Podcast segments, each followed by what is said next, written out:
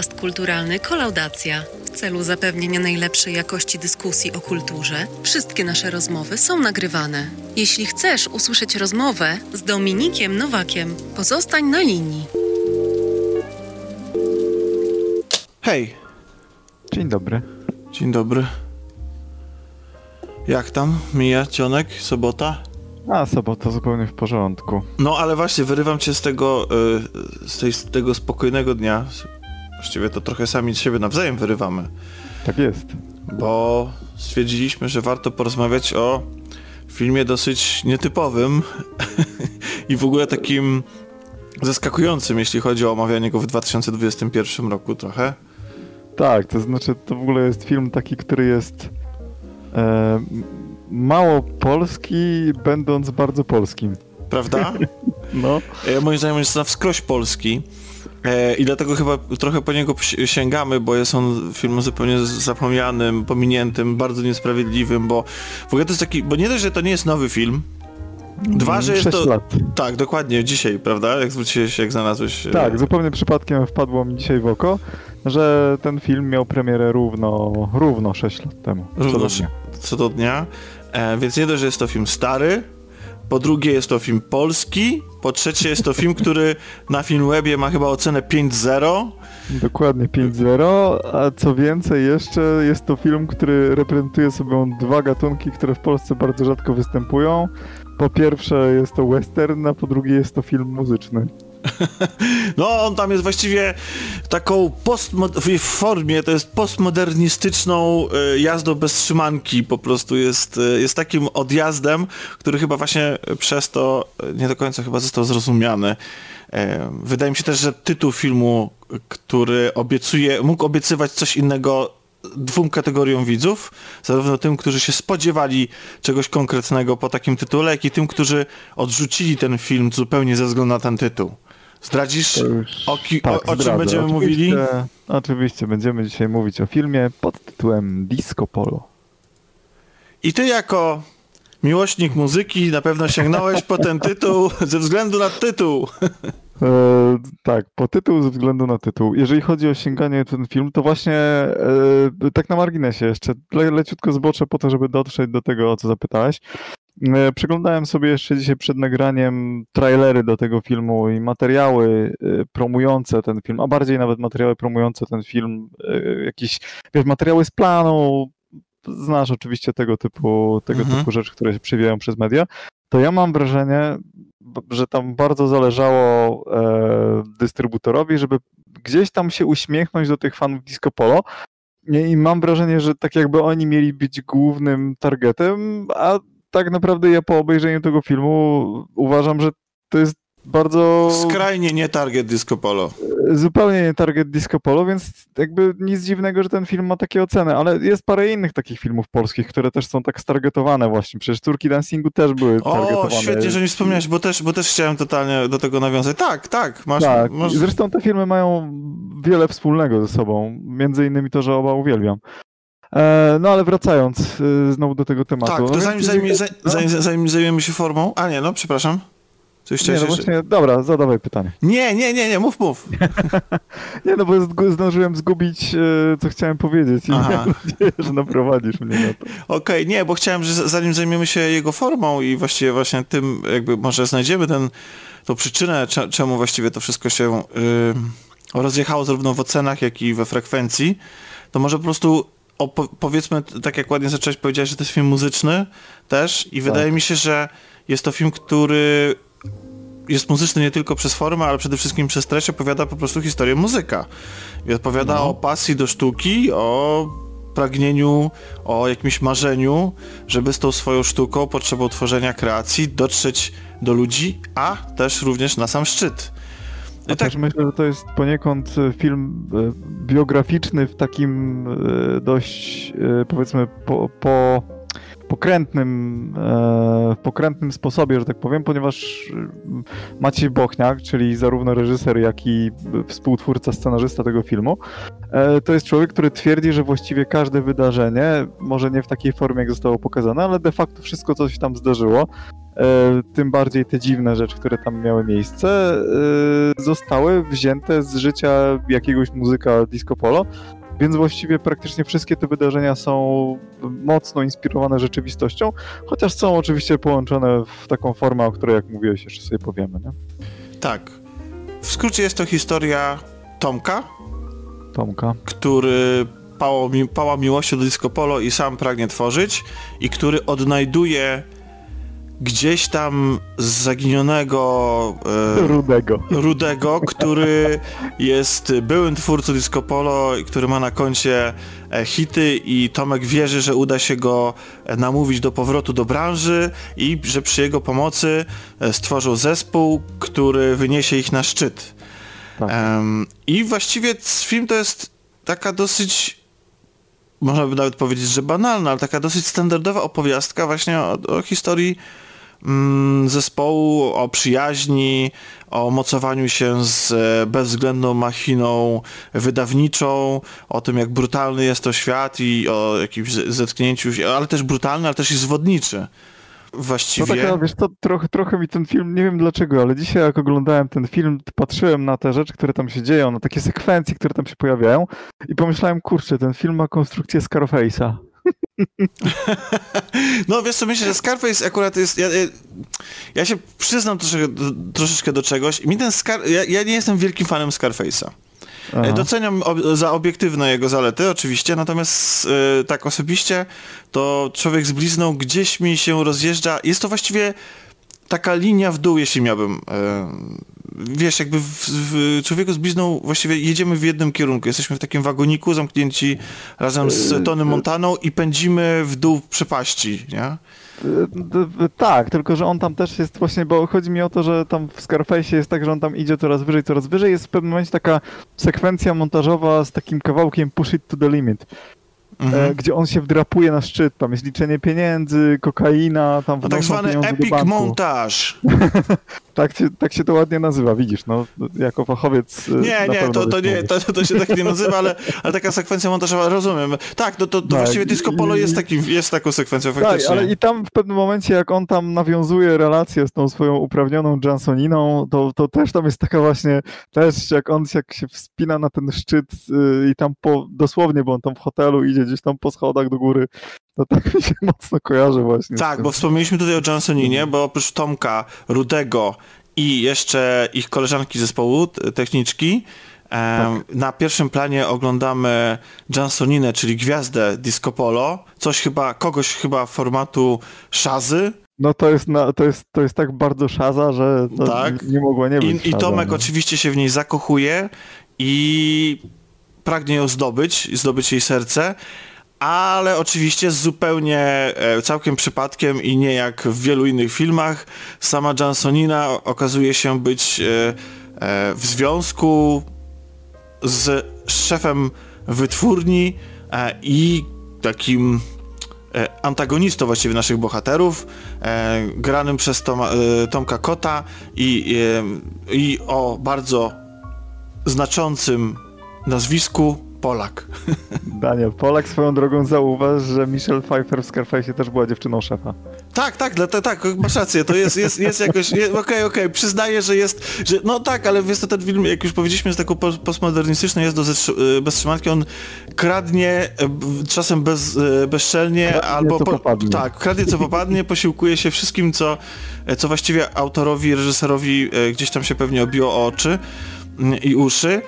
Mm, I tak, no ale właściwie jeszcze tylko kończąc sam opis, no to jest po prostu historia tej, tej przyjaźni, y, która będzie wystawiona na próbę, y, czy tego też troszeczkę zachłyśnięcia się sukcesem Tomka. I myślę, że, że tutaj nie znajdziemy w samej takiej stricte historii właściwie niczego tak oryginalnego, jakby byśmy może chcieli, co moim zdaniem zupełnie nie przeszkadza. Nie, kompletnie. Mało tego, mam wrażenie, że pomaga temu takie... filmowi nawet. Tak, no są takie filmy, przecież jest ich, mam ich parę w głowie, gdzie fabuły, a tutaj akurat, żeby, żebyśmy mieli jasność, ta fabuła jest bardzo spójna i tu nie mam nic do zarzucenia jej, natomiast tak naprawdę są takie filmy, gdzie fabuła jest tylko po to, żeby sklecić jakieś tam anegdoty i pokazać świat. No i w tym przypadku to jest coś, coś właśnie takiego. Coś tak... Pokazać Mhm. tą kolorowość, tą intensywność, ten, ten plichtr i taniość disco polo. E, tak, ale to wiesz co, to, to jeszcze, jeszcze, jeszcze do tej formy, jeszcze za- za- zanim o tej formie. Albo wiesz co, śmiało, możemy, możemy utońmy w niej. Po prostu skocz na, na tą głęboką wodę jeziora, przy, w którym zac, e, kałuży wręcz, w której zacumowany jest jacht głównego bohatera. Tej E, kałuży. No Je, tak. Jest to absolutnie czysta, niepohamowana niczym abstrakcja. I to jest najciekawsza rzecz- w ogóle rzecz w tym filmie. To jest, to jest e, taki, ta erupcja wyobraźni, ale nawet nie wyobraźni reżysera, tylko właściwie erupcja wyobraźni ludzi żyjących w latach 90., którzy po upadku e, PRL-u zachłysnęli się zachodem i właściwie łapali wszystko, co popadnie, aby tylko poczuć, e, że żyją na zachodzie. Mhm. Mhm. Tak, to, to fajnie to, to, to powiedziałeś właśnie, że to jest, to, to, to jest y, ten, ten jacht w kałuży, ja bym powiedział, że to, to chyba lepiej, lepiej się w ogóle nie da ująć, czym jest ten film, nie? No, czym, o czym jest film Disco Polo? No wiesz, to taki jacht w kałuży. Nie, to ja nawet, ja nawet, to nawet ten jacht w kałuży to jeszcze cokolwiek ma wspólnego z czymkolwiek. Nie, odrobinę, minimalnie. Ale jak jest scena w filmie, w której ten jacht płynie po, E, po bezkresnym... Po morzu, po, morzu, po morzu piasku, nie? Dokładnie, po pustyni. to już jest... A żeby było jeszcze śmieszniej, został dostarczony na, ten, na tą e, pustynię przez balon. Balonem, tak, balonem. Oczywiście balonem. No dobrze, i, i, no, to, ta, i to jest taka... E, tu powiedziałeś, że to jest western, prawda?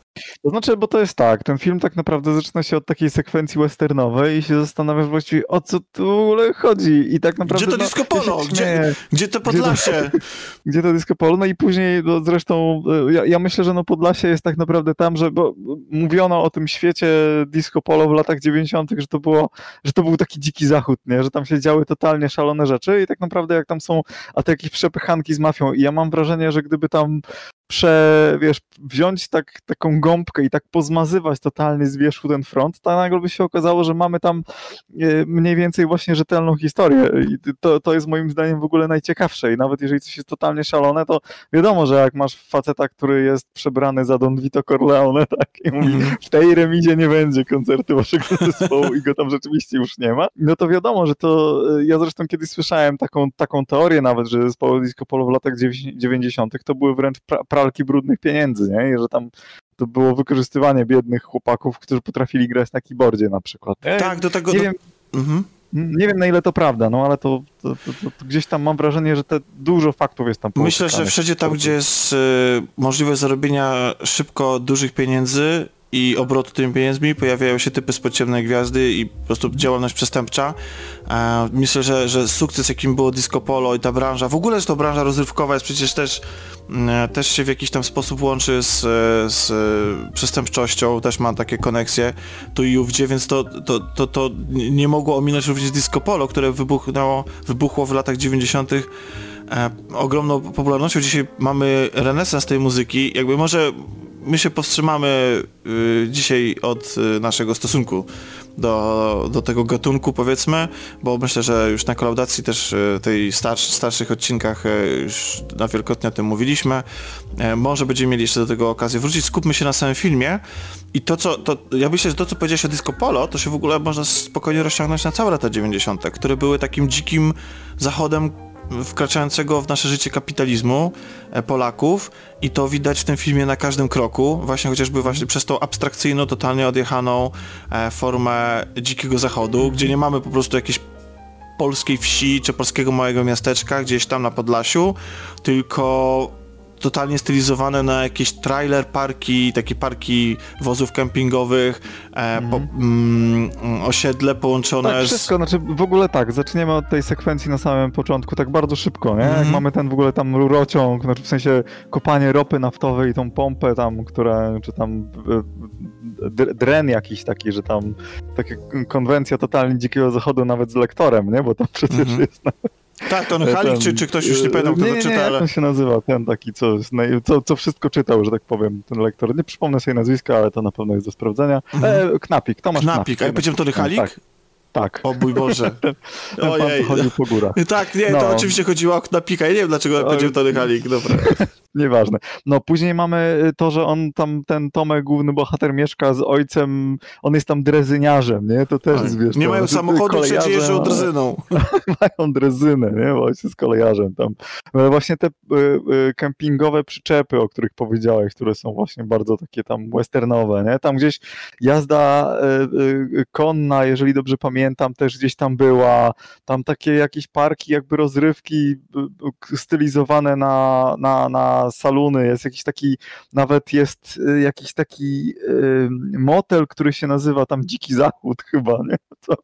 No i końcówka oczywiście iście, iście westernowa, kiedy rozprawiamy się ze złym, prawdziwym czarnym charakterem w tym filmie, który gdzieś tam się pojawia, nie? I jakby to wszystko, jak to działa, no i oczywiście jest tam jeszcze odrobina magii, to tak na marginesie. Znaczy tam jest w ogóle absolutnie wszystko po prostu. Tam to jest wrzucone w, zupełnie tak jak, jak cały zachodni świat nagle wrzucony w naszą szarą rzeczywistość lat 90.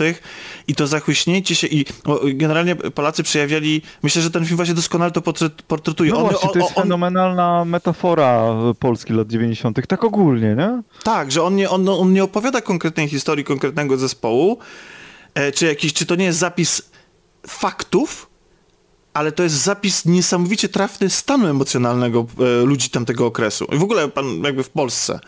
Że to jest, teraz lata 90. wracają, e, są modne, to może, może, może i e, nasi słuchacze sięgną po ten film z jakiegoś powodu, właśnie zachęceni tym opisem, bo mi się wydaje, że niewiele jest takich filmów, które aż tak trafnie oddają ten, e, ten klimat. E, Z takich polskich filmów, e, które moim zdaniem doskonale opisują to, co się atmosferę w Polsce lat 90. był, e, był dług. To jest oczywiście już e, dramat i, i poważne kino opisujące fa, fa, wydarzenia prawdziwe, ale a, ale Disco Polo oddaje jakby fantastycznie ducha i jeszcze do tego zapożycza e, z, bardzo dużo z postmodernizmu, który królował też w latach 90. Ale wracając do Polski i do, do tych zapożyczeń, to przecież jak się jeździ po Polsce, jeździło wtedy po Polsce, to widać było ogromne zachłyśnięcie Ameryką, bo, która jawiła się już w czasach PRL-u jako e, ziemia obiecana, jako... Pewnie dlatego właśnie, nie? Tak. Że w PRL-u wydawało, że wreszcie było wolno posmakować Coca-Coli. Tak, i, ale, Cudzysłowie, znaczy, no no. tak, Coca-Cola co prawda u nas była, ale na przykład to, że się pojawiły u nas har, e, Harley'owcy, jakieś gangi, znaczy gangi, w sensie takie Nie, kluby oczywiście ta motocyklowe. Ale chociażby McDonald's już, tak? To, to Tak. masz kolejną markę, Ale- która się pojawiła w latach 90. właśnie dlatego, że się otwarły granice. Tylko to, co, tylko to, to, co, tak, tylko wejście zachodnich y, marek to jest jedna rzecz, natomiast chodzi mi o to, jak Polacy sięgali po te, y, po te elementy zachodnie i wykorzystywali je do tego, żeby budować naszą współczesność polską, naszą tutaj e, na, na poziomie nawet chociażby architektury, gdzie mamy już na w samej sekwencji początkowej mamy wizytę w restauracji, która, której e, właściciel uwielbia e, Egipt, w związku z tym tam kupił od, kupił jakieś sfinksy i postawił Racja, on miał restauracją. sfinksy od samego Tutenchamona. Tak, dokładnie, gdzie, gdzie właściwie u nas są miasteczka w stylu western, prawda, więc powstawało też jakby, jakby czy, te, ten miszmasz, te taka niesamowici, to ja bym nawet powiedział tak po polsku bigos, po prostu tego, tych Ja wszystkich że kocioł, ale to może kocioł bigosu. gdzie właściwie miejscami tak, ten niesamowity kicz, to nazywanie e, miejsc e, angielskimi nazwami, angielskie e, jakby udawanie tego zachodu, jakby te, zachłyśnięcie się tym wszystkim, to, tą oprawą właśnie, tego, te, takim, te, te, te, tym całym takim, to co powiedziałeś, tym lukrem, te, tą, tą wie, wierzchnością, to taką, no, no, e, to było ewidentnie widoczne i powstało wielkie, wiele potworów architektonicznych, niesamowicie kiczowate miejsca, kiczowate stroje, klimat i to wszystko jest w tym filmie wymieszane i doskonale oddaje właśnie e, te, ten stan, ten bigos taki e, stylistyczny i trochę mentalny. Bigosu, a propos bigosu, coś mi się jeszcze przypomniało. Mm. E, nie wiem, czy zwróciłeś na to uwagę. Ja nigdy wcześniej na to nie zwróciłem uwagi, ale wydaje mi się, że to był sposób, w jaki reżyser Maciej Bochniak zasugerował, że Rudy jest geniuszem muzycznym. Pierwsza, e, pierwsza scena zupełnie na początku to jest taka, jak tam odwiedza Tomek em, tego Rudego gdzieś tam na tym polu naftowym, ale druga scena, kiedy się spotykamy znowu z Tomkiem, kiedy Tomek przychodzi do tej rzeczonej już wcześniej przyczepy babci, żeby Rudego wciągnąć e, w łapska disco polo. to w tle w radiu u nich leci Mozart. A Ponieważ nie, no ja- to no tak. No, no. Ja nie zwróciłem na to uwagi zupełnie wcześniej. Ja mówiąc szczerze, nie jestem nie wiadomo jakim koneserem muzyki poważnej, ale po prostu akurat ta scena była, znaczy te, ten utwór był w Amadeuszu. Ja tak siedzę na słuchawkach tym razem, może dlatego usłyszałem. Siedzę i słyszę halo, halo, halo, przecież to jest Mozart, nie? Ten Mozart zresztą się gdzieś tam jeszcze później pojawia. Ja nawet specjalnie do tego celu, żeby o tym filmie trochę więcej wiedzieć i rozumieć, przeczytałem, ja często to robię, kredycy, te napisy dotyczące muzyki e, jaka muzyka się tam pojawia, kto ją wykonuje, kto ją skomponował i tak dalej, bo to często mnie interesuje i właśnie między innymi tutaj rzeczywiście miałem rację, to faktycznie był ten ten e, Mozart, nie? Więc, że Rudy jest geniuszem muzycznym. A propos wymieszania wszystkiego jeszcze, to do disco polo Mozart też się załapał. Rudy, Rudy też w przeciwieństwie do Tomka jest taką postacią, która nie chce, która może wie, czy, czym, czym smakuje wielki biznes e, rozrywkowy i która właściwie czuje się, czy za, zawsze się trzyma z tyłu, nie chce na siłę robić e, kariery, a w momencie, w którym zarabia jakieś pieniądze, raczej inwestuje je w fabrykę, uwaga, krasnali ogrodowych. E, I, I bardziej tak. niż to, żeby, żeby zespół e, piął się na szczyt coraz bardziej, coraz bardziej, więc on jest taką totalnym przeciwieństwem Tomka. Mm, Tomek... On zresztą chyba był poszkodowany, nie? Przez, w sensie, tak mi się wydaje, że tam jest taka geneza tego bohatera, że on, on, on się ukrył dlatego, że jego ta wielka sława zniszczyła. Jemu tam podkradziono utwór chyba, coś Tak, tak, to był było. chyba ten Atomic chyba, tak, ten zespół, z którym konkurują e, nasi Atomic. bohaterowie. Że tam te, te konkurencja między zespołami jest całkiem spora. E, Ale to, co mówiłeś, nawet chociażby jeszcze wracając do, do samej, sty, samej stylistyki filmu, e, to, co mówiłeś odnośnie tego Wesołego Miasteczka, niesamowicie mi się podobało to, że właściwie w e, Disco Polo nie mamy absolutnie ża żadnego dosłownego miejsca. Właściwie wszystko, wszystkie lokacje, które odwiedzamy, są pewnym wyobrażeniem na, nich, na ich temat, jakimś taką duszą tych miejsc bardziej, niż faktycznym e, konstruktem. I, I to jest na przykład zwykła ulica i zwykły po prostu, jaki, nie wiem, no po prostu zwykła ulica, ludzie pracujący, żyjący, chodzący do pracy i tak dalej, po prostu e, zwykła Polska jest przedstawiona jako wesołe miasteczko. Nie widzimy ani razu normalnej polskiej ulicy, normalnego polskiego miasta, tylko w momencie, kiedy bohaterowie jadą domyślnie ulicami polskich miast, albo wychodzą na miasto, albo jadą do miasta, albo cokolwiek, generalnie no, wychodzą poza swoją bańkę, to zawsze jadą do wesołego, do wesołego miasteczka. I tam spotykają wszystkich, i sprzedawców, i przechodniów, em, ale, ale to zawsze jest właśnie taka oderwana od rzeczywistości, wydawałoby się mm, Masz rację, ja nigdy na to nie zwróciłem uwagi, ale faktycznie każda ta przestrzeń jest taka sama i tak samo jak wyjeżdżają w tak zwaną trasę. To też jest zawsze amerykański highway, nie? Tak, to nawet, tam- to, ja, dokładnie, to, to, jest, to, to, nigdy, to nie, nigdy to nie są polskie drogi, tylko to jest po prostu jakaś bezbrzeżna grę, y, mm, Międzystanowa, nie? dokładnie, międzystanowa. i- zawsze Tak, międzystanowa. i oni sobie gdzieś tam jadą i też nie widzimy, w ogóle nie widzimy ani grama tak naprawdę Polski poza niek- niektórymi elementami, jak na przykład właśnie do, dom, y, wydaje mi się rodzinny, znaczy ta, ta, ta mm, bocznica kolejowa, gdzie mamy godło Polski e, na, na budynku. To są, są takie nieliczne Tak. momenty przypominające nam o tym, że to, że to nadal jest e, polskie, jest ale, ale generalnie reszta jest nie, taka plastikowa, kolorowa i właśnie taka postmodernistyczna.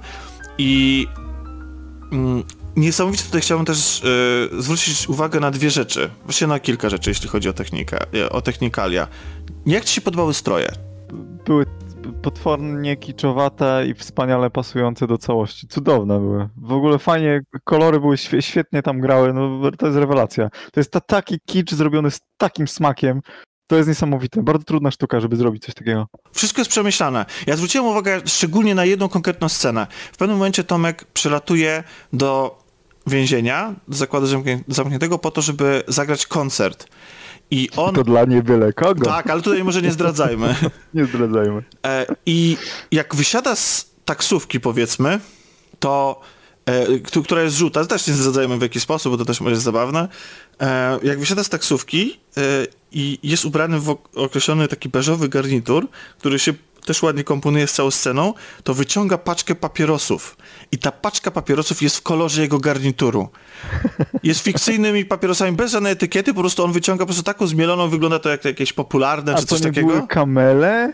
Wiesz co, ja jestem przekonany, że to, że to jest po prostu beżowa paczka papierosów, że, tam, że to nie ma Aha. żadnego brandingu. I ja to jest, muszę to sprawdzić, to jest bo do jestem tego, niemal pewien, że to jest, że to, że to jednak yy, były kamele, ale mogę się mylić. Mogę się bardzo mylić. do tego stopnia to jest y, dbanie o szczegóły i pilnowanie każdego kadru. No byłem tym zachwycony, właśnie tam nie ma żadnego... Wszystko wydaje się przypadkowe i właśnie takim bałaganem, ale tak jak Bigos też się wydaje takim, taką, taką przypad... czy sałatka jarzeniowa. Dużo składników nawrzucane, a na koniec końców wygląda to, znaczy smakuje jako coś przemyślanego. I też mówiliśmy o tym, że tutaj mamy czysto abstrakcję, sceny, które są w ogóle oderwane od rzeczywistości. Często mamy właśnie chociażby tego, ten jacht w kałuży. E, Wiesz co mi się jeszcze, a propos Mhm. scen oderwanych od rzeczywistości, jest taka scena, jak się samochód zatrzymuje, a na pasach zupełnie na środku pustkowia przechodzi y, niskorosły, który na smyczy trzyma świnie. o, no, tak, tak. To są właśnie, to są takie, to są takie abstrakcje totalne. To, co, to, co mnie ujęło w, sam, w to nie tylko forma, ale też sposób jej realizacji. Jak ci się podobały zdjęcia w ogóle, w sensie jak, jak, jak ta historia się skleja wizualnie na ekranie. No, tak jak, dokładnie tak jak mówisz, tam nic do siebie nie pasuje, a jednak tworzy spójną całość.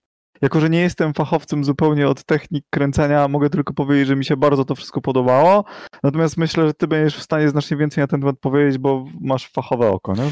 Znaczy, jest autentycznie przez cały film, oglądając go w 2021 roku, film, w którym mamy jachty pływające po pustyni. Są może dwa albo trzy ujęcia, które powodują jakikolwiek techniczny zgrzyt. zgrzyt. Reszta jest wykonana moim zdaniem obłędnie. Ruchy kamery, kadry, color grading, oświetlenie, wszystko to jest stylizowane w jakiś sposób, w większy lub mniejszy sposób, jest bardzo teledyskowe i ani razu nie trąci jakąś niedoróbką techniczną. Jestem pod ogromnym wrażeniem, jak, te, jak montaż nawet fajnie mo momentami je- jak, jak, jak jest przemyślany i bardzo yy, i robiący wrażenie po prostu. I jak, to nawet nie chodzi o to, że on jest tak dynamiczny czy coś, tylko mówię o takim zwykłym sklejaniu scen wszystko, ta historia bardzo, bardzo płynie. To znaczy, że ona jest pozbawiona wad, że to nie jest tak, że to jest nie wiadomo jaka historia, ale generalnie ogląda się na nią, na ją na ekranie i to wszystko jest praktycznie bezzgrzytne. Nie miałem żadnego no może jedno ujęcie takie naprawdę na green screenie, gdzie ewidentnie widać, że bohaterowie stoją, stoją w hali z green screenem. E, tam, mi coś, tam mi coś nie zagrało. Reszta, oświetlenie i tak dalej. Jestem pod wrażeniem ogromnym, nawet oglądając w 2021 roku, jestem pod ogromnym wrażeniem, że polski film pełnometrażowy wygląda jak żywcem wyjęty z e, naprawdę całkiem drogiego teledysku. I, Tak, i tak, no to jest, to tak jak mówisz, to wszystko bardzo fajnie się tam e, trzyma kupy, a, a, propos, e, a propos montażu, tak jak mówisz, jak sobie przypominam tę scenę, szczególnie chyba ucieczki po, po, tym, e, po tym domku z kart, że tak powiem, który jest też świetnym w ogóle elementem tam, Mhm. to to faktycznie jest bardzo dynamiczne, a z drugiej strony cały czas dokładnie wiemy, co się dzieje, chyba, że twórcy nie chcą nam czegoś pokazać, żeby odkryć ha, karty za Mhm. chwilę, nie? Mówisz o tym, jak nasi bohaterowie wybierają się do e, firmy, która nagrywa polski Tak, dubbing do filmów pornograficznych. Nie, nie, nie, nie, nie, jak oni, jak oni, jak już mają to, co, to, co już sobie nagrali tam, tchabiorem swoją drogą, nie, który tam się pojawia Tak, na tak, sceny. tak. Jak oni już mają tą kasetę i jadą do Polaka i temu Polakowi pokazać, co oni właściwie mają, jak on słucha i patrzy, czy mu staną włosy na ręce, czy nie. Tak, ale- szósty zmysł. Tak, nie? ale już wcześniej mamy też świetny montaż, też właśnie żywcem wyjęty z filmów lat 90. Gaja Gdzie oni nagrywają tą, tą kasetę, gdzie nagrywają demo właśnie w tej, tej, w tej wytwórni filmów. Aha, tak, tak, jak to się, jak to się nagle dzieje, tak? Tak, tak, ja- to, jak, to jest, jak to jest zrealizowane, to więc film czerpie garściami zewsząd, ile się da. Jest na przykład wielkie uwielbienie i wydaje mi się, że to jest w ogóle klucz do zrozumienia tego filmu, znaczy do interpretacji. E, znaczy tutaj nie ma wielkiej interpretacji, ona jest, ona jest rzucona nam w twarz niemalże, ale jest to, że, że, że występują bohaterowie, którzy są żywcem wyjęci z Funny Games, z amerykańskiej wersji z remake'u. E, I to, są, to jest tych dwóch białych e, chłopaków, w sensie na, ubranych na biało, e, którzy totalnie odgrywają dokładnie tych samych bohaterów, którzy byli bohaterami Funny Games. E, jest tam nawet wprost nawiązanie do tego filmu, kiedy e, Tomek się pyta ich, czy przyszli po jajka. I więc e, i tych, tych rzeczy jest tam, nie wiem, no ja tam elementy, elementy pojedynku na szosie można znaleźć, Rzeczywiście Spielberga. jest też pojedynek na szosie. Faktycznie jest tam. I tam przy okazji przy tej scenie jest taki piękny Bielenia, nie?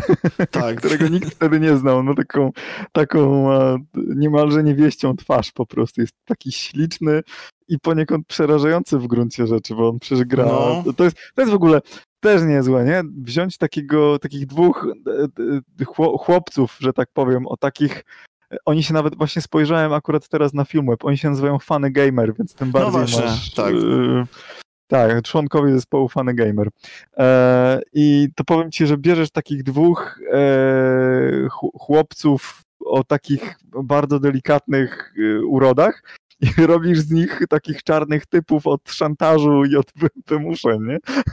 Tak, ale właśnie, właśnie oni są właśnie podobni do, do, do, do tych bohaterów z Funny Games, które, a Funny Games to jest też postmodernistyczna, przede wszystkim meta zabawa i o, formą. O, jest to opowieść o opowiadaniu i o oglądaniu i o samych nie wiem, o, o przemocy ekranowej.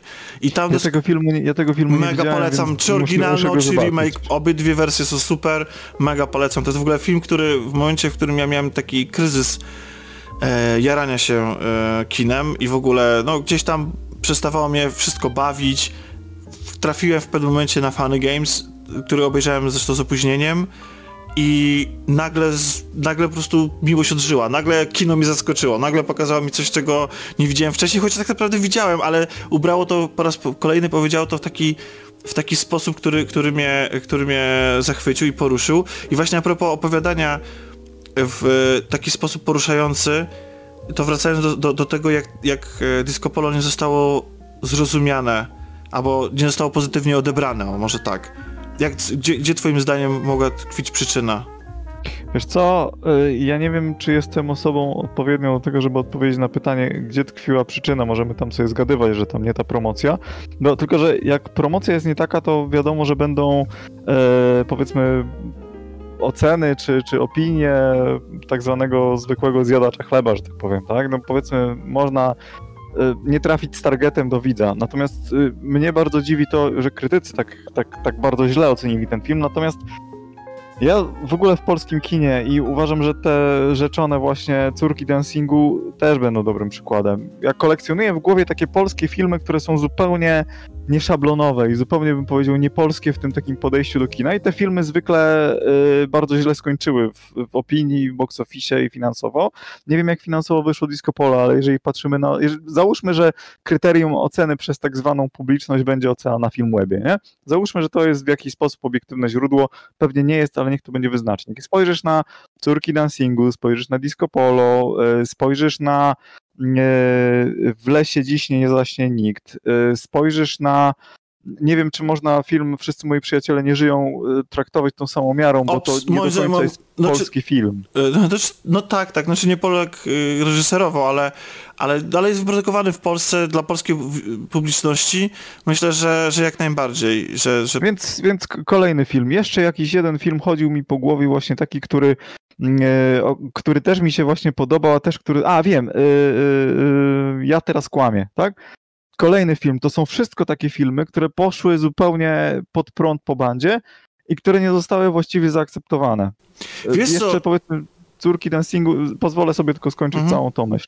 Córki dancingu może jeszcze, ale generalnie ja widzę, że raczej, raczej tam krytycy są negatywnie nastawieni do tego. Do ja wrażenie, dancingu? Ja... Bo tutaj wydaje mi się akurat, że byli kupieni. Akurat mówię, turki dancingu może są, są, są powiedzmy wyjątkowe rzeczywiście, bo tam raczej krytycy faktycznie podeszli dobrze. Natomiast ogólnie te wszystkie filmy są źle przez polską publiczność od, odebrane i to najczęściej jest ta sama publiczność, która krytykuje polskie kino, że ciągle produkuje tylko e, komedie romantyczne, nie? Ja widzę taki dysonans e, krytycyzmu takich filmów, które są oryginalne, niezwykłe, kolorowe, e, nieszablonowe, nie są, zacytuję, taki tekst padł kiedyś, że polskie kino to są dzieci płaczące do zlewu, nie? Więc to są filmy, które nie są dzieci, dziećmi płaczącymi do zlewu, albo nie są zżyną z zachodniej, zachodnioeuropejskim remake'iem komedii romantycznej na przykład, bo przecież w Polsce całkiem sporo takich filmów jest, są takim, taką próbą pokazania czegoś świeżego i to się zwykle właśnie rozbija o taki, puf, taki mur publiczności. Ja mam wrażenie, że właśnie to jest taki film, który był potwornie ambitny, i o ten mur się właśnie trochę rozbił, nie? Ty pewnie masz jakiś y, z innej strony podejście i zdanie na ten. Wiesz co, właśnie, znaczy samo disco polo nie wydaje mi się, wiesz, nawet w swojej formie aż takie ambitne, bo to jest jednak kino lekkie, w sensie pozostawia nas z, z właściwie dobrym samopoczuciem ostatecznie i, i właściwie nie sprzedaje nam ani prawdy objawionej i ta forma jest mega ciekawa, jest bardzo interesująca, i, ale jednocześnie to nie jest forma obca Polakom. I to mnie właśnie zaskoczyło. Zastanawiam się, co, co, jakby szukając przyczyny porażki tego filmu, bo my, po, znaczy polskie kino chętnie sięga po tę formę. Mieliśmy, bo, ten film śmiało mógłbym porównać i naprawdę biorę pełną odpowiedzialność za te słowa z tworami Szulkina, z Koterskiego. Dzień Świra dokładnie opiera się dokładnie na tej samej, y, na tym samym motywie. Y, scenek z życia, które są totalnie abstrakcyjne, których nie można brać dosłownie, które są, które są taką właśnie postmodernistyczną zabawą, z, z metanarracją czasami. E, Wiesz, czym się różnią, różni kino Szulkina e, i to, co powiedziałeś wcześniej od Disco Polo, że Disco Polo kończy się dobrze. no może tak, ale wiesz co, jest jeszcze, no ale Koterski no okej, okay, no, no tak, czyli co, czyli że po prostu że jest za wesoło, ja za myślę, kolorowo? Bo ja bo... myślę, że dokładnie, że ten film był zbyt optymistyczny jak na Polaków. on, był, on, był, zbyt Może. wesoły, wiesz, no jak to wesoło? No wiesz, u Koterskiego to jest, to masz, no przecież najbardziej chyba Koterski, Koterski, czyli Dzień Świra, chyba bardziej Koterskiego, Koterskiego już nie ma. Dzień Świra to jest film, który jak oglądasz za pierwszym razem, jak ja, ja tak miałem, że oglądałem ten film za pierwszym razem, miałem lat tam, nie wiem, 17 czy, czy 19, bardzo mnie ten film śmieszył, tak? Im byłem starszy i za każdym kolejnym obejrzeniem, już przy trzecim obejrzeniu uświadomiłem sobie, że to jak są, potwornie ciężki i dołujący jest to film. Jak tam nie ma w tym filmie haha, nic śmiesznego. Nie ma. Aha, rozumiem. I see what you did there. Pan intended, nie? Wiesz, ale chodzi mi o to, że no, ty masz takie kino, które niby się sili na, na żart z biednego Polaka, w cudzysłowie bardzo ogromny. Mam nadzieję, że rozumiesz ten wiesz, tak, zawias, tak, tak? tak? Natomiast tutaj masz sytuację, y, wiesz, tak, taką pozytywny film i, i jakby tam masz same właściwie pozytywne rzeczy, bo jemu się udaje to, co on chce, już nie mówiąc o tym, że to jest w epilogu, ale to już zostawiam jako tajemnicę, do czego prowadzi ten film zupełnie finalnie, tak, do, to, totalnie, zupełnie absurdalnej y, sytuacji, niemożliwej y, w tej sytuacji w Polsce. Niemniej, no, ja mam wrażenie właśnie, że to jest to, co gryzie wszystkich, no, że ten film nie był negatywny, nie zmuszał do płaczu, jak, jak wszystkie inne, bo jak oglądasz Szulkina, to na końcu masz tą dziwną konwencję, ale na końcu czujesz, że kurde, nie? No wiesz, uuu. Tak, no wiesz co, tak, bo jeszcze chciałem, jeszcze chciałem wymienić, może masz rację, bo jeszcze chciałem wymienić ekranizację wojny polsko-ruskiej, e, która, y, która jest też zrealizowana właśnie w taki sposób. E, to jest ciekawe porównanie. Chętnie, no bo chętnie, chętnie z, bawi się z widzem, zmienia formę narracji, e, jest samoświadoma, tak jak Disco Polo, łamie czwartą ścianę, tak jak e, Disco Polo, bo w Disco Polo też mamy takie sceny, w których e, bohater patrzy się albo zwraca się do widza, albo przyjmuje narrację puszcza i właściwie nawet, tak, pusz, puszcza oko. I generalnie właściwie ten film jest, więc to nie jest tak, że ta, że ta Czyli co? Czyli tak, ten film odkrywa kolejną prawdę o nas, że tak naprawdę jesteśmy smutni i chcemy smutnych historii.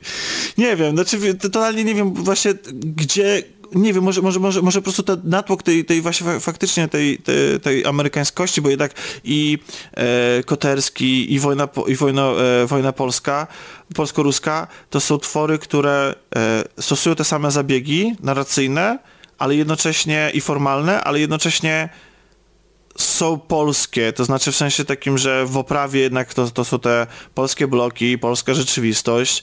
Może tu, może, może jednak, może właśnie to odklejenie, może ta, ta teledyskowość, ta, e, to pokazanie bardziej pragnień Polaków, e, czy z lat 90., a może i dzisiaj, dzisiejszych pragnień też, jest, e, sprawiło, że, że to był zbyt głęboki wgląd w polską duszę, jeśli chodzi o stronę hmm. Nie, nie mam pojęcia, mówiąc szczerze, zupełnie nie znam e, tej definicji. Znaczy, nie, nie mam. Ja, ja jestem tak ze mnie moi znajomi hmm. żartują, że jestem człowiekiem, który ma na wszystko odpowiedź, niekoniecznie dobrą, ale mam. No to, to też jest jakaś y, zaleta, nie? Jakaś wartość dodana, tak jest, tym się pocieszam. E, nie no, żartuję sobie. E, natomiast tak naprawdę, jeżeli chodzi o ten film, nie mam, nie mam pojęcia, co tak naprawdę, co nie zażarło. Być może właśnie to, że no, ja, ja jestem chyba dobrym przykładem człowieka, który od tego filmu się odbił, zanim go zobaczyłem, nie? Ja mówiłem o tym e, chyba wcześniej, jak wyglądał mój kontakt z tym filmem. Jak się dowiedziałem, że istnieje film Disco Polo i zobaczyłem tam na okładce Tomasza Kota, to stwierdziłem, no to są już, e, żartuję sobie oczywiście z tego Tomasza Kota, tak? Ale to są dwa powody, dla których nie zobaczę tego filmu. I było tak, że zupełnie przypadkiem, jako że my w domu z, z żoną nie mamy telewizora, to jest tak, że my z telewizji, oglądamy, jak jesteśmy gdzieś, a to w jakimś hotelu, a to na jakimś wyjeździe, a to gdzieś. No i tak akurat się stało, że byliśmy na wyjeździe w Warszawie przy okazji Script Fiesta, o, których też, o której też kiedyś chciałbym e, poopowiadać naszym słuchaczom. I oglądałem tam, przyłączałem sobie kanały i nagle zobaczyłem film który właśnie zaczyna się akurat to tak mniej więcej w połowie. To, z tą taksówką tą scenę zobaczyłem. Mhm. Ja tak siedzę i sobie myślę, co ja za film oglądam? Zobaczyłem tą scenę z tą taksówką, później tą sekwencję muzyki disco polo, która tam była swoją drogą, tego człowieka, który jest tam tym VIP-em, dla mhm. którego ten Tomek śpiewa. I sobie myślę, co ja oglądam? I po prostu siedziałem i miałem tak totalnie ciężki dysonans poznawczy, i dopiero potem się zorientowałem, aha, to jest disco polo. I im dłużej siedziałem w tej, nie znając, zresztą tam przecież fabuła nie jest potrzebna, jak już rozmawialiśmy, tak tylko, on tylko skleja. Im dalej to oglądałem wszystko, to myślę, wow, po prostu ten film jest rewelacyjny. I, ale jeszcze nie miałem pewności, bo nie stwierdziłem, że muszę go zobaczyć jako, jako całość i po jakimś czasie ten film obejrzałem jako całość i od tego czasu go zacząłem szczerze uwielbiać, uwielbiać podziwiać właśnie to podejście do formy, ale ja byłem totalnie zdystansowany od tego filmu właśnie przez tą formę, przez te zbyt znane twarze. Uznałem, że z tego filmu nie może być nic dobrego. Być może jest tak właśnie, że wiele innych osób, tak samo jak ja od tego filmu się odbiło, albo że mieli jakieś konkretnie bardzo sprecyzowane oczekiwania. Ja wchodząc w ten film i oglądając go w telewizji, przełączając, nie mając pojęcia, co w niej leci, zacząłem go oglądać totalnie bez żadnych oczekiwań. Być może nabudowane oczekiwania są wobec tego filmu jakimś jakąś blokadą i powodem, dla którego ten film ma 5-0, tak, może, bo... średniej 63 500. Bo ja tak samo, ja tak samo nie w ogóle nie, nie, jakby nie, nie, nie miałem w planach obejrzenia tego filmu i już nie pamiętam historii, dlaczego ja po niego ostatecznie sięgnąłem. E, ale wiesz co, jeszcze chciałem na jeden temat porozmawiać, bo chciałem porozmawiać -hmm. jeszcze odnośnie, bo powiedzieliśmy, że to jest film muzyczny, czyli bez muzyki -hmm. się nie obejdzie, czyli osoby, tak. które mają alergię na disco polo. To ja. Właśnie, no właśnie o to, o to, o to chciałem zapytać. Jak takie osoby, jak ty, z, z alergią na disco polo, zniosły ten film, bo przecież w tym, bo przecież Disco Polo jest tego Disco Polo w brud. Jest dużo Disco Polo, to najbardziej tak zwane, najbardziej znane kawałki, yy, gdzie połowę znam z tego filmu, ale drugą połowę nie. E, ponieważ otóż być może jest to dziwne, ale bywałem również na weselach i mam również w domu e, osobę rodzinnym, która disco polo lubiła, więc niestety z tą muzyką chciałem, nie chciałem, miałem kontakt. Mam taką koleżankę w pracy, która jest analitykiem, a była kiedyś nauczycielem muzyki i ona, ja się zapytałem odnośnie jej tam gustów muzycznych i ona powiedziała, że ona nie słucha disco polo dlatego, że y, od, odrzuca ją yy, brak warsztatu wokalistów. I ja się zastanawiam, bo y, jak słuchałem, jak wcześniej oglądałem disco polo, to miałem wrażenie, że śpiewają to inni ludzie niż, niż nasi aktorzy.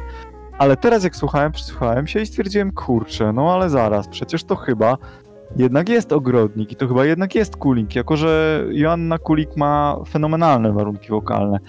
Co pokazywała, co pokazała przecież y, w swojej świetnej roli w Zimnej Wojnie. Y, ona śpiewać po prostu zwyczajnie potrafi. Nie wiem jak z ogrodnikiem, on mógł być trochę przerabiany, ale Kulik śpiewa bardzo dobrze. I to jest pierwszy powód, dla którego e, ta muzyka wcale tak źle nie odrzuca, jest właśnie taka, że oni, ci ludzie po prostu potrafią śpiewać, przynajmniej ona, ale generalnie jest to muzycznie dobrze zrobione. Po drugie, ja niby nie lubię disco polo, ale na przykład swojego czasu masowo słuchałem debiutanckiej płyty, to jest bardzo istotne, braci Figo Fago, która po, prostu świetnie bawiła się konwencją i używała tanich brzmień, ale robiła to w przewrotny sposób. I ja mam wrażenie, że tutaj, e, czyli tak, po pierwsze oni dobrze śpiewają, po drugie jest to zagrane dobrze, a po, po trzecie te fragmenty są dość krótkie. One się nie narzucają, tak naprawdę mówiąc szczerze.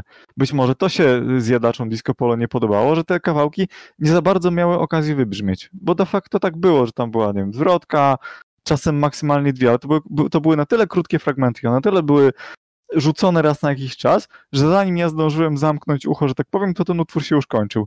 E, więc ja sam jestem bardzo tego, e, bardzo zdziwiony, e, jeżeli chodzi o ten fakt, no bo mnie ta muzyka disco polo wcale tam nie bolała, nie raziła. Przyjąłem ją z, dobro, z, z dobrodziejstwem inwentarza, że tak powiem, i to po prostu tam pasuje. To pasuje do tego filmu. Nie chciałbym pewnie słuchać ścieżki dźwiękowej z tego filmu i nigdy bym jej sobie z własnej woli nie puścił. Niemniej w konwencji tego filmu, w tym filmie, na moje ucho, na tanich, ale w miarę dobrych słuchawkach nie było w tej muzyce nic takiego, co by spowodowało, że ja, ja, ja że, żebym ja przewijał na przykład fragmenty disco polo, nie? W tym filmie. Wiesz co, to, to dziękuję, ci, dziękuję ci bardzo, bo po pierwsze, ja się teraz czuję lepiej. to zaraz ci powiem dlaczego. A po drugie, wytłumaczyłeś właśnie to, co... E, to czym się zastanawiałem, bo otóż nie tylko mi ta muzyka w tym filmie nie przeszkadzała ale wręcz złapałem się na tym, że tupię nóżką. Tak. I, i to jest, i ja, ja nie znoszę disco polo. Dobra, kłama, kłamałem wcześniej, jak mówiłem, że nie będziemy mówić o tej muzyce. Ja nie znoszę disco polo. Nie rozumiem, jakby niestety, nie wpada ono, jakby jest bardzo daleko od mojego... To nie jest tak, że ja mam wysublimowany gust muzyczny, ponieważ uwielbiam tanie, tani pop. Naprawdę. Taki K-pop lubię, lubię tani pop lat 90. W ogóle mi to nie przeszkadza. Jestem bardzo otwarty na, na, na muzykę, a jednak disco polo mnie drażni. I to nie jest tak, że tam wychodzę z wesela, jak grają majteczki w kropeczki czy coś tam. Ja powiem, że ja nawet po pijaku nie jestem w stanie. Czy, że, ale tak, ale tak, ale dokładnie, ale nie jestem w stanie się bawić przy tym. Natomiast, natomiast oglądając film, przysięgam, ta disco polo mi się nie przeszkadzało, a nawet mi się podobało i być może to jest właśnie to, co powiedziałeś, jest przyczyną tego, to znaczy dobra produkcja, czyli, bo moim zdaniem tam były też aranżacje inne. Że no, to, że, o, o, ty, że, o, tym właśnie tak, mówiłem. Ja że, przepraszam, wejdę tutaj w słowo mm, tobie, tylko jasne? powiem, że moim zdaniem nie ma złej muzyki, są tylko źli muzycy, wiesz? I to może to jest y, powód. No tak, bo to jest, bo ta muzyka jest prosta. Raz, dwa, trzy, cztery i tak dalej, nie? I, tak. i wiesz, i, ale na tym się opiera prawie każdy hit popowy też. Tylko kwestia tego, jak to jest wyprodukowane, i, że, i, I wydaje mi się, że te kawałki są wyprodukowane na nowo i ten wokal, on nie jest drażniący. On jest nagle się w, tej, w tych kawałkach, które generalnie na co dzień we mnie budzą niemal jak w Polaku, że mi włosy dęba stają, ale to oznacza, ona, oznacza że to tak, zupełnie co innego niż y, u bohatera granego przez Tomka Kota. A, a z drugiej strony tutaj po prostu oglądając ten film e, no, no muszę przyznać, że tak. Tak, nawet... Że całkiem mi to wpadło w ucho i moim tak. zdaniem najlepiej właśnie wypadają utwory, które śpiewają Anna Kulik właśnie. Och, nie? absolutnie. Już nie będziemy zdradzać no. w jakich okolicznościach, ale jest finałowa piosenka, która jest najbardziej kiczowatą, e, jedną z najbardziej kiczowatych piosenek, a z drugiej strony wpisuje się doskonale w jakąś taką wymowę tego filmu i to i w ogóle i oni śpiewają to jeszcze w takich okolicznościach, które też przywołują, jakby powodują uśmiech na twarzy. no I to, właśnie, i, bo, no, bo, też się odnoszą do jednego z odwiecznych pragnień e, polskiej publiczności muzycznej. Po, polskiej publiczności muzycznej, aczkolwiek powiem ci szczerze, tak ja kiedyś słyszałem taką tezę i jestem się skłonny z nią do niej przychylić, że jest ona prawdopodobna, że no bo jak wszyscy pamiętamy doskonale, niektórzy w Polsce twierdzą, że Edyta Górniak wygrała Eurowizję, co jest oczywiście nieprawdą, ponieważ e, to, była, to, to było drugie miejsce. To było moralne Podobno... zwycięstwo to było, no, to, było moralne zwycięstwo, natomiast chodzi o to, że, że Edyta Górniak była wtedy druga i podobno bardzo się Polacy przestraszyli, że mogliby y, tę Eurowizję organizować i od tego czasu z premedytacją wysyłali tam bardzo słabych wykonawców nie? przez dłuższy czas. Ale teraz I chyba organizujemy że... chyba te dziecięce, nie? Y, no tak, no ale to są inne czasy, kiedy hmm. być może już za dwa miliardy y, opłaca się zorganizować. Nie, to już byśmy weszli na politykę. Nie, nie chcę tak, no, na politykę. Ale, no, to, tak, ale rzeczywiście tak, junior, natomiast ja już ostatnio jestem, już, już nie, o, chyba właśnie wygadaliśmy się od, od, odnośnie okoliczności, których nie No już, zdradzać, już nie? za późno, już za późno. najwyżej, Tomku, najwyżej to ewentualnie Nic nie wytnie. Moim zdaniem to w ogóle, w ogóle nie odbiera to w żaden sposób e, frajdy płynącej z oglądania No nie, nie, nie. To jest, bo to jest jakiś tam epilog, który tam, do którego gdzieś tam to wszystko, to wszystko zmierza. E, no, ja tak naprawdę, jeżeli już mówimy o tym filmie, no, mam wrażenie, że możemy dochodzić do konkluzji. Mnie się tak naprawdę jeden element tylko w tym filmie nie podobał i jestem ciekaw, co na niego powiesz. Mnie się nie podobała kreacja Aleksandry Hamkało jako miksera i ja do tej dziewczyny nic nie mam, ale mam wrażenie, że ta rola była napisana męska i ona próbowała to jakoś ogarnąć. Ona jest w ogóle niewykorzystana. Znaczy ona tam się pojawia i to jest na zasadzie takiej, znaczy, bo żeby nie było, ten film ma wady, również filmowe. E, I to, to jest tylko jakby, no, nie ma sensu na nich się skupiać, kiedy chcemy zachęcić ludzi do tego, żeby po niego sięgnęli i żeby film się stał bardziej znany. I tak, jedną, z- jedną z tych wad jest to, że, że, że ona jest po prostu niedopisana. Mam wrażenie, że ta, ta postać w ogóle tam za nią jest, z niej mógłby być ktokolwiek inny. Tam nie ma No absolutnie... ona jest właściwie, ona jest właściwie tylko po to, żeby, no nie, ona jest tylko po to, to tak naprawdę, żeby, bo ona da, dała tam zespołowi możliwość nagrania tej pierwszej kasety, tak? I właściwie ona tam po to jest, tak naprawdę, nie? Tak, tak. I, ale później znika, szkoda, bo, bo też mogło być fajną postacią. No ale film Mogła się... być film, film, film to, można no, było no, z niej lepszy potencjał zrobić i moim zdaniem, chociaż się na tym nie znam, a na reżyserii, o reżyserii nie mam w ogóle pojęcia, natomiast mam wrażenie, że, że to nie jest y, wina aktorki jako takiej, chociaż też nie bardzo jakoś znałem tą Aleksandrę, ale wydaje mi się, że tak, tak jak próbowałem gdzieś tam przeglądać jakieś, jakieś filmy, czy fragmenty, trailery, cokolwiek, gdzie można zobaczyć, jak ona wygląda na żywo, że tak powiem, mam wrażenie, że to że jakby nic do niej jako aktorki nie mam. Mam wrażenie, że to, że mi ona nie grała, to, to wynika gdzieś tam z innych przyczyn, nie wiem, scenariuszowych, reżyserskich, koncepcyjnych, Tak. nie wiem jakich, Tak. ale ona tutaj była niepasującym elementem, który mnie osobiście jako jedyny, bo, bo ja nie jestem filmowcem, mam tą przewagę y, nad filmowcami, że pewnych wad po prostu nie zauważam. Mogę sobie na to pozwolić, nie? No Wady jasne. scenariuszowe jest- znajdę, bo, bo rozumiem jak działa scenariusz. Wad, wad produkcyjnych nie widzę na szczęście, ani tym bardziej reżyserskich też nie rozumiem. Więc mnie się ten film generalnie bardzo podobał, nawet po tym ostatnim obejrzeniu, po to, żeby, e, żeby zrobić tę naszą rozmowę, to podniosłem mu ocenę do 8 na 10. Wow. No ja też muszę przyznać, że no tak jak mówię, to nie jest żadne objawienie, ale z drugiej strony jest tak intrygujące w formie, tak niesprawiedliwie oceniane, na pewno nie zasługuje na te bardzo niskie oceny i na tą ogromną krytykę, która go spotkała. Jeżeli ktokolwiek ma ochotę na lekki film, który no po prostu, który tak, tak zwany feel good movie, prawda? To znaczy film, który po prostu ostatecznie jest opowieścią o przyjaźni i o walce e, z... Dobra ze złem. No tak, sztuki z e, machiną, polityką e, Tak, i pieniędzmi Tak, wielkimi, I o tym, jak to zła sława psuje, ale przyjaźń naprawia. prawda? O tym jest ten film. Disco Polo, polecamy. Polo Disco. Jest na Netflixie, żeby... to jest ważne. Jest na Netflixie, więc nawet, tak, nie trzeba, na nawet trzeba się wysilać, po prostu wystarczy... Więc tak, on sam do ciebie przychodzi. Przypomniałem sobie w ogóle, jak myślałem o tym filmie, że w Polsce na samym początku muzyka disco polo była nazywana muzyką chodnikową i dopiero potem została nazwana jako disco polo, ale nie wiem, czy to była nazwa oddolna, czy to była nazwa nadana przez Polsat po to, żeby sprzedać disco relax. W każdym razie... yy, No to chyba było była nawiązanie, wiesz co, do, do, disco italiano, tak, italo disco. To chyba było Do nawiąza- Italo disco. Że, bo, ta, bo ta muzyka czerpała bardzo dużo z tego, ta syntezatory, taka taniość i przaśność, y, ten kicz, tak mi się wydaje. Jak to mówią, kiedyś to była muzyka, nie? A teraz to... Niby tak, a z, a z drugiej strony te bohaterowie, którzy w tym filmie, jak mówią o tym, dlaczego tworzą, to jasne, ten hajs, te pieniądze się tam pojawiają i oni chętnie z nich korzystają, jak tam jest taka scena, gdzie ogrodnik kupuje, czyli, no, czyli postać Tomka kupuje cały, wynajmuje cały hotel po to, żeby się Tak. móc e, spędzić noc e, z ukochaną. E, więc, e, więc to nie jest tak, że te pieniądze tam, e, tam nie grają. Jak sam powiedziałeś, to też jest opowieść o deprawacji do, jakiej, do jakimś takim... Ale przecież a propos pieniędzy, jak powstaje teledysk z tą łodzią, która pływa? Oj, E, świetna jak w- scena. Tak, jak, to jest taka scena, która mi się skojarzyła z kolei z tym, z superprodukcją, jak było, która tam jest u was najlepsza i w kolejnej scenie była Janda, nie? Tak, Która, Który tam u was jest dobry?